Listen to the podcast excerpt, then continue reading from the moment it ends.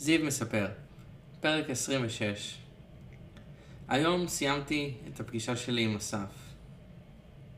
זה מדהים איך אסף תמיד מצליח להעמיד אותי על הקרקע. הוא גורם לי להתאפס על עצמי, והוא לא מוותר עליי, לא משנה כמה פעמים אני מוותר על עצמי. זה גורם לי להעריך אותו ולעשות את המשימות שהוא נותן לי, גם מתוך הערכה אליו וכלפי עצמי. דיברנו היום בפגישה על נטייה שלי לעשות הכל ברגע האחרון, וכמה שזה הרס עצמי. ההרשמה לתוכנית תואר שני לאחד מבתי הספר הנחשבים בעולם נעשתה ברגע האחרון. ההרשמה עצמה יצאה מסורבלת, אף אחד לא עזר לי, וישבתי עליה כ-13 שעות ברצף.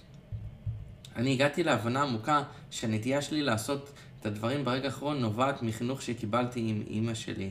בצורה שיטתית, אימא שלי תמיד הייתה מזיזה הכל לרגע האחרון. כל החיים שלה זה לחץ ומתח. אני כל כך רגיל להיות במתח הזה, זה כאילו אני לא יכול בלעדיו. זה כאילו אני כמעט חייב לעשות את זה ברגע האחרון. אני חושב שזה גם נובע מהפחד שלי להצליח, ולעשות משהו שהוא מושקע ב-100%. אף פעם לא השקעתי 100% במשהו. אסף פותח לי את העיניים בקטע הזה, וזה גורם לי לחרדה מטורפת. עם כמה שאני רוצה להצליח, אני פוחד מזה פחד מוות, כי אני מפחד אולי מהחרדה שאני ארגיש. אולי הפחד להצליח נובע מתוך החוסר שליטה שלי על רגשות. כלומר, אם אני אהיה מוצלח, אני ארגיש כאילו הלב שלי מתפוצץ מרוב חרדה.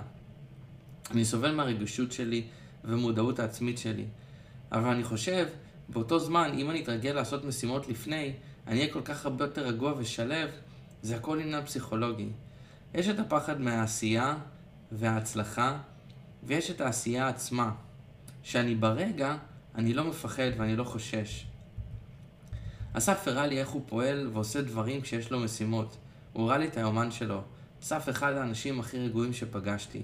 מומחה בלנהל זמן.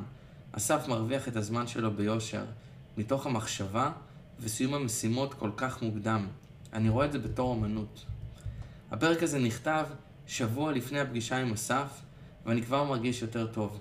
למרות שאני עדיין מפחד, פחד מוות בכללי. אני הולך לעשות מדיטציה קצרה עכשיו, ולצאת לדייט עם מישהי יפהפייה.